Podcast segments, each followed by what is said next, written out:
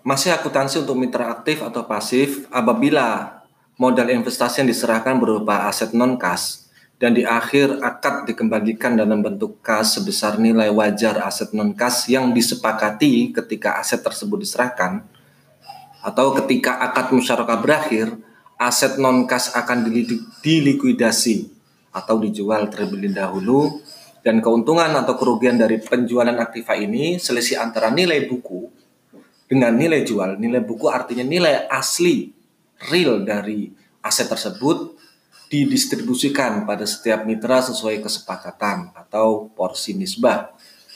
Maka hal ini dicatat jika untung maka akan dicatat debit piutang dan pendapatan di kredit. Namun jika rugi akan dicatat debit kerugian dan penyisian kerugian di kredit. Untuk untuk akuntansi mitra pasif terkait dengan pencatatan di akhir akad ketika masa kesepakatan berakhir apabila modal investasi yang diserahkan berupa kas jika tidak ada kerugian maka di jurnal debit kas investasi musyarakah di kredit Sementara jika terdapat kerugian, maka di jurnal dengan debit kas dan penyisian kerugian di debit, kredit, investasi musyarakah. Kedua, apabila modal investasi berupa aset non-kas dan dikembalikan dalam bentuk aset non-kas yang sama pada akhir akad, maka jika tidak terdapat kerugian di jurnal dengan debit aset non-kas dan investasi musyarakah di kredit. Jika terdapat kerugian, maka perusahaan harus menyetorkan uang sebesar nilai kerugian. Hal ini di jurnal dengan debit penyisian kerugian dengan kredit kas. Debit aset non kas, investasi musyarakah di kredit.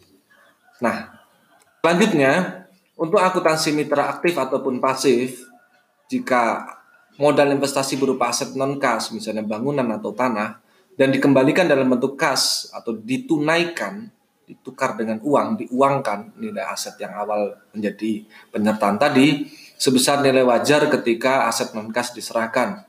Jika tidak ada penyisian kerugian dan penjualan aset non kas menghasilkan keuntungan, maka hal ini dicatat dengan debit kas, investasi musyarakah di kredit, piutang di kredit.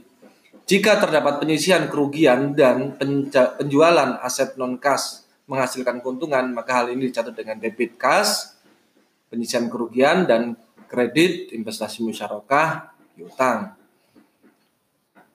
Akuntansi mitra aktif ataupun pasif, ketika terjadi penyajian, mitra pasif menyajikan hal sebagai berikut yang terkait dengan usaha musyarakah dalam dalam laporan keuangan. Kas atau aset non kas yang disisihkan oleh mitra aktif disajikan sebagai investasi musyarakah. Keuntungan tangguhan atau keuntungan yang ditahan dari selisih penilaian aset non-kas yang diserahkan pada nilai wajar disajikan sebagai pos lawan atau kontra account dari investasi musyarakah.